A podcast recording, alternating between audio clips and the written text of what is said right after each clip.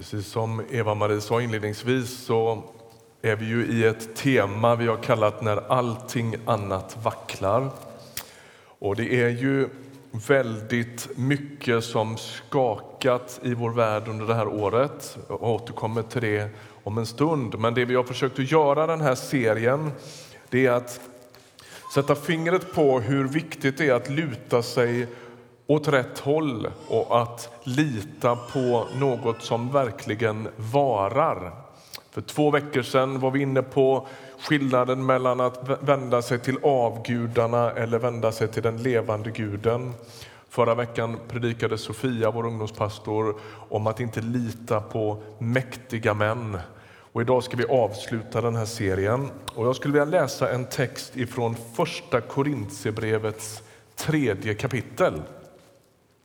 Den här texten är skriven av Paulus, som ju är författare till det här brevet. Och vi läser ifrån vers 10 till 15. Tack vare den nåd Gud har gett mig har jag som en klok byggmästare lagt en grund som någon annan bygger vidare på. Men var och en måste tänka på hur han bygger. Ingen kan lägga en annan grund än den Eh, vad tog vi vägen där? Ingen, annan, ingen kan lägga en annan grund än den som redan finns, och den är Jesus Kristus. På den grunden kan man bygga med guld, silver och ädelstenar, trä, gräs eller halm. Och det ska visa sig hur var och en har byggt. Den dagen ska avslöja det. Ty den kommer med eld, och elden ska pröva vad vars och ens arbete är värt. Den vars byggnad består ska få lön, den vars byggnad vars verk brinner ner ska bli utan. Själv skall han dock räddas, men som ur eld. I många av Bibelns församlingar och i många kyrkor genom historien, kanske alla kyrkor i historien, så verkar man behöva vaka på att inte Jesus Kristus kommer i bakgrunden. Och Så är det också i församlingen i Korint. Det verkar som att Paulus behöver påminna dem om att inte ställa Jesus i skuggan. På andra ställen i Bibeln så talar ju både Paulus och andra författare till oss som individer ibland och talar om individens frälsning och individens liv i Gud. Men just den här texten den handlar faktiskt inte om det, utan den är skriven väldigt tydligt till en gemenskap till den lokala församlingen. Så jag tänker att vi ska lyssna till det här nu som Ryttargårdskyrkans församling och inte först och främst som enskilda isolerade öar.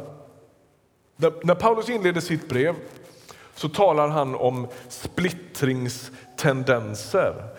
De delar upp sig i församlingen eh, i olika fraktioner. Och Han säger, både i den här texten lite senare men inte minst lite tidigare i det här brevet att en del människor de säger att de tillhör Petrusfalangen och andra tillhör Paulus. Några har anslutit sig till Apollosfalangen och hör och häpna, det är några som påstår att de hör till Kristusfalangen. Vad är de andra då? Om ett litet gäng här borta säger att de tillhör Jesus. Det är förvirrat i församlingen. Och texten jag just läste nu den inleds ju med att Paulus säger att han bygger som en klok byggmästare. Och Man kan tycka att det är lite kaxigt av Paulus att beskriva sig själv som klok, men det där gör han väldigt medvetet. Han använder ett ord på grekiska som heter sofos och skickar en väldigt tydlig signal till de här grekiska brevläsarna. Sofos betyder klokskap. Och så vill han liksom påminna dem om det han har sagt tidigare i den här texten, nämligen att budskapet om den korsfäste, föraktade avrättade Kristus, det är Guds sofos.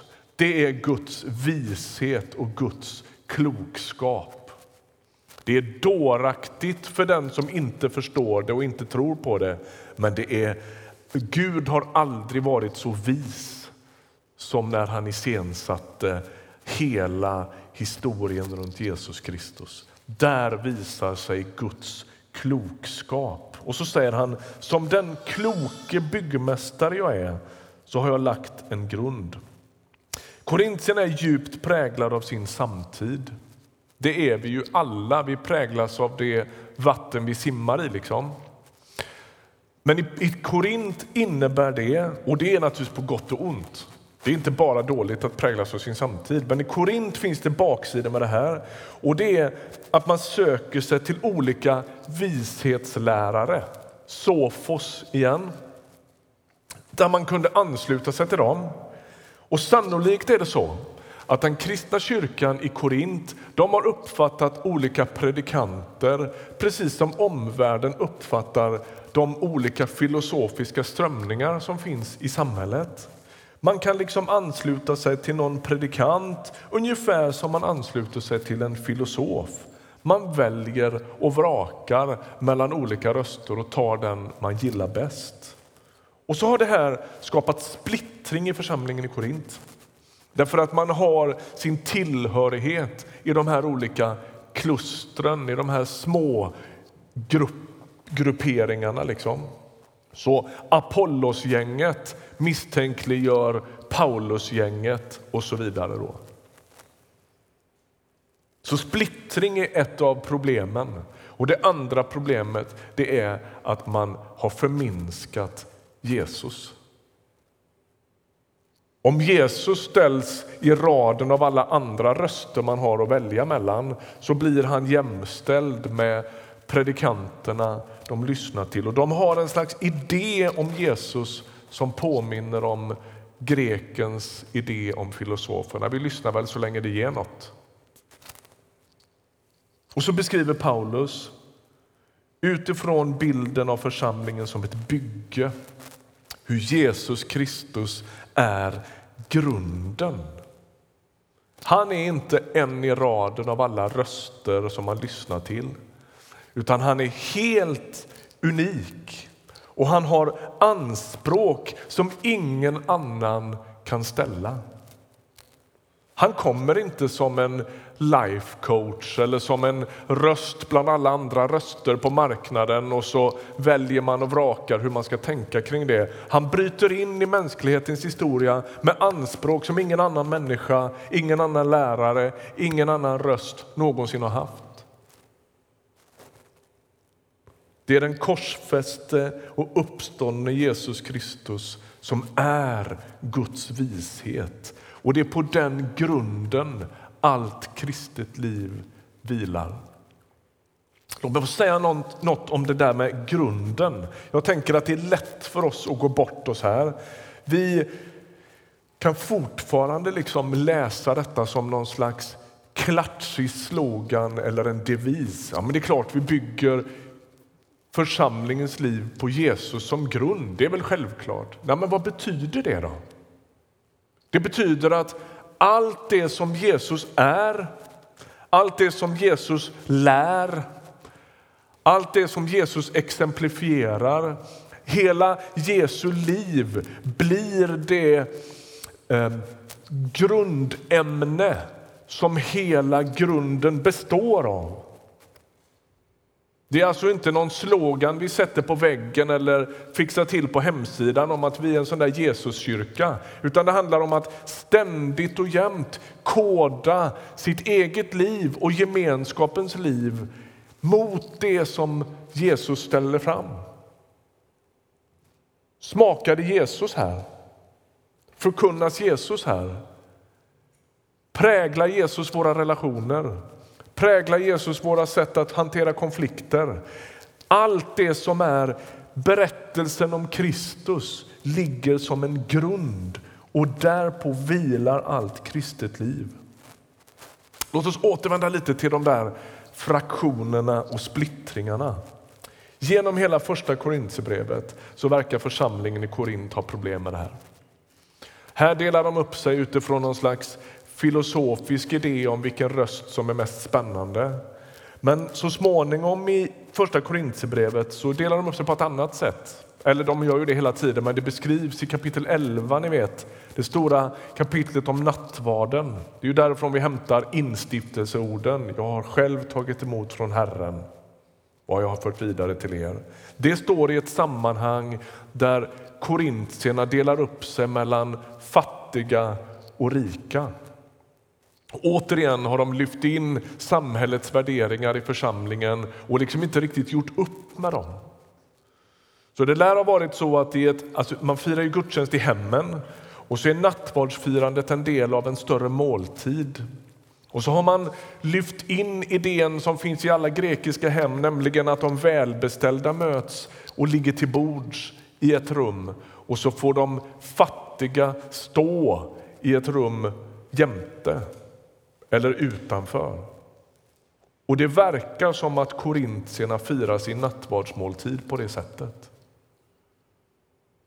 Alltså, man har en starkare identitet i sin socialgrupp än i Jesus Kristus.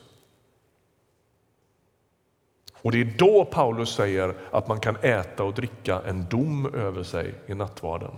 Det där handlar inte om att man råkar tänka på något annat när man står här och tar emot bröd och vin. Det är inte så att man råkar dricka en dom över sig, utan det handlar om hur man behandlar de fattiga. Vem man tänker att man tillhör. Och jag tänker att vi gör likadant. Många av oss har ett extremt behov av att tillhöra någon gruppering som inte nödvändigtvis har med Jesus att göra. Och Det skulle kunna vara kristna grupperingar. Det där offentliga samtal som pågår hela tiden i kristna sammanhang har inte precis hjälpt oss här. När någon skriver en debatttext i en kristen tidning som har med tro och kyrka att göra, eller på en blogg eller på någon sociala medier eller vad det är, så vet jag ju exakt vad som kommer att hända. Jag, jag, kan förutspå vilka som kommer att gå i taket på den texten. Jag vet precis vilka som kommer att gilla den. Jag vet precis vilka som tystnar. Jag vet precis vilka som håller med. Jag vet precis vilka som opponerar sig. Det, det är så förutsägbart. Därför att vi har våra kluster och vi har ett enormt behov av att visa vår identitet genom vilket gäng vi tillhör. Liksom. Paulus varnar för det. Ibland kan jag oroas över hur vi tror att vår djupa längtan efter tillhörighet ska botas genom att vi söker oss till de här olika grupperingarna, vad det än är. Ibland hör jag människor säga så här. Vår kyrka har ett alldeles särskilt DNA. Och så beskriver man ett uttryckssätt eller en kulturyttring eller vad det nu är. Och jag blir alltid väldigt fundersam när jag hör det. För jag tänker, det finns bara ett DNA i den kristna kyrkan. Det är vad jag hör i den här texten. Och det är Jesus Kristus. Man kan inte definiera sin kyrka utifrån... Alltså församlingens DNA är inte mission. Församlingens DNA är inte en sångstil. Församlingens DNA är inte en organisationsform eller en predikostil. Ryttargårdskyrkans DNA är inte att vi tillhör e, Evangeliska Frikyrkan. Pingst kan inte vara ett DNA. Luther kan inte vara ett DNA. Jesus Kristus är kyrkans DNA. Och jag tänker att det är det Paulus försöker säga här. Det är, det är Jesus som är den djupa tillhörigheten och det räcker. Vi fattar också det där med att det är olikheter och att vi ibland behöver beskriva dem. Men det är inte det som definierar en kristen kyrka. Det är Jesus Kristus som definierar en kristen kyrka. Det är han som berättar för oss vilka vi är. Och så drar Paulus liksom vidare sin bild här och säger att på den grunden så bygger nu mina efterträdare, nu kommer Apollos dit och bygger vidare på grunden Jesus Kristus. Och så säger han att en dag, han kallar det för den dagen. Det är ett uttryck i urkyrkan som handlar om när Jesus kommer tillbaka. Då allt ska upprättas, då allt ska ställas till rätta, men då allt också ska prövas. Vad är hållbart och vad är inte hållbart? Och Det är som att Paulus nu tecknar det där. Det går att bygga på ett sätt som håller och det går att bygga på ett sätt som inte håller. Jag tänker att vi inte behöver vänta på att konstatera vad det är som vacklar och vad som inte vacklar. År 2020 saknar ju motstycke på ett sätt, åtminstone i fredstid. Frågan är om vi någonsin, förutom i krig, har sett en så världsomspännande kris som nu. Om vi tittar i Sverige så tänker jag att vi har aldrig sedan kristendomen kom till Sverige upphört på bred front att fira gudstjänster på över tusen år. Det har bara hänt i år. Jag tänker att det kan vara viktigt att påminna sig om det. Det vi är med om är oerhört extraordinärt. Och då uppstår ju frågan, vad lutar vi oss mot i de lägena? I vad söker vi vår identitet? Vart går vi för att finna tröst? Och jag tänker att det är svaret på de frågorna som hjälper oss att se hur vi har byggt. I tider av kris kan man ju göra flera upptäckter. Man skulle kunna gå bort sig i tider av kris för att man blir så nervös eller man blir så rädd eller man blir så flyktig. Men det kan också vara så att man i tider av kris börjar utmejsla vad som är viktigt och vad som inte är viktigt. Det är i öknen man lär sig se skillnad på en oas och en hägring. Det vi är med om nu är ju en slags ökentid. Hur upptäcker vi vad som är hållbart och vad som inte är hållbart? Så vi inte bara fastnar i ehm, ytterligare en jakt. Ännu fler skärmar, ännu mer yta. Vad är det och vem är det som berättar för oss vilka vi är? Och då säger Paulus så här, man kan bygga med silver, guld och ädelstenar. Var någonstans i den bibliska berättelsen återfinns silver, guld och ädelstenar? Det gör de i templet i Jerusalem. Där bygger man med silver, guld och ädla stenar. Vad är det Paulus säger här? Jo, det är som att han påstår att den kristna gemenskapen, och då är ni med på att i Korint finns det inga sådana här kyrkor. Man möts i hemmen. Men den gemenskapen den kan byggas med samma byggmaterial som man byggde templet med. Det här är naturligtvis ett bildspråk, det fattar ju ni. Ni är ju kloka. Vad, vad, är, det han, vad är det han far efter?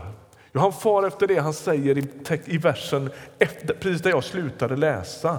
Nästa vers lyder Förstår ni inte att ni är Guds tempel och att Guds ande bor i er? Alltså, gemenskapen byggs runt tillbedjan av Jesus. Det är att bygga den med guld och silver och ädla stenar. Vi blir ett tempel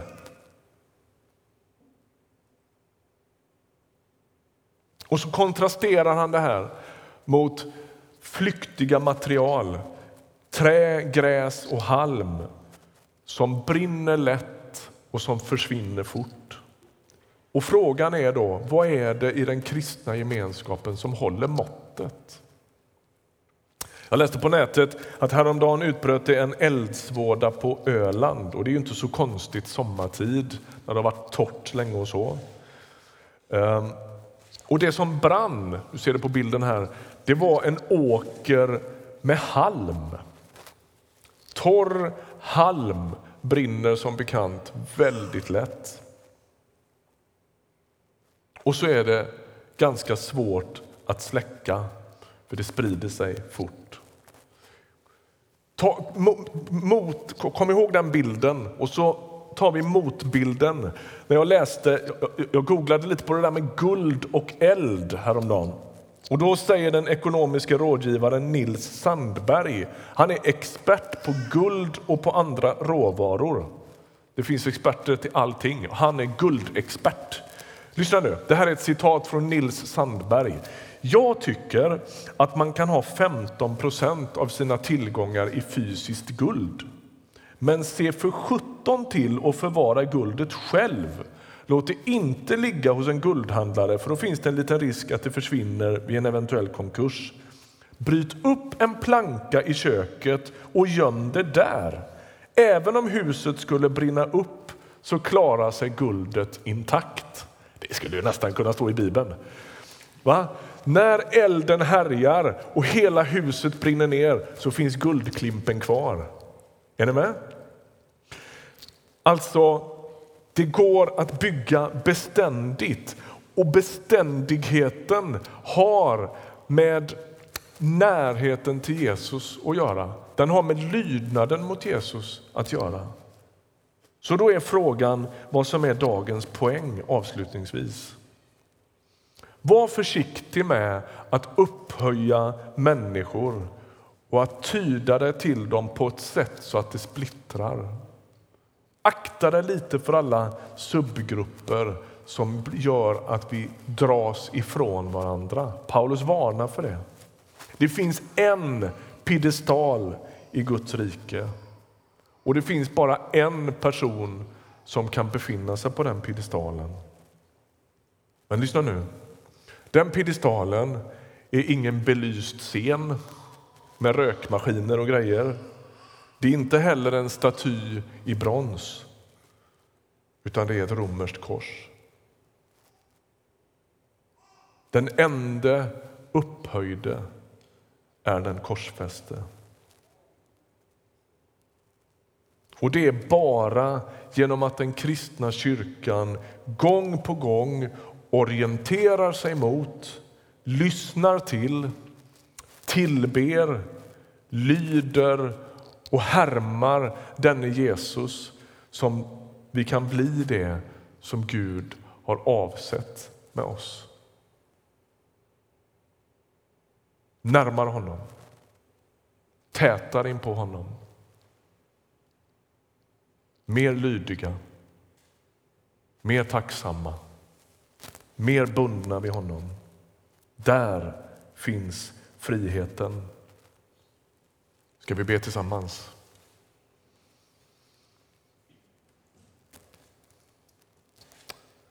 Herre Jesus, du är alltings epicentrum. Världen kretsar inte runt oss, utan runt dig. Allting har sitt ursprung i dig. Allting har sitt mål i dig.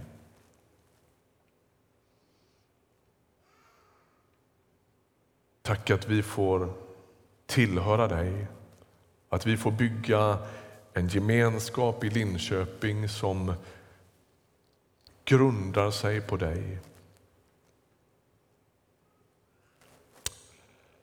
Fader i Jesu namn, hjälp oss att inte distansera oss från det. Hjälp oss att följa dig lite närmre, lyda dig lite djupare, tillbe dig lite sannare, vittna om dig lite frimodigare. Tack att du är visheten, du är fullheten. Du är vår djupaste identitet. Du är vårt hopp och vår framtid. I Jesu namn. Amen.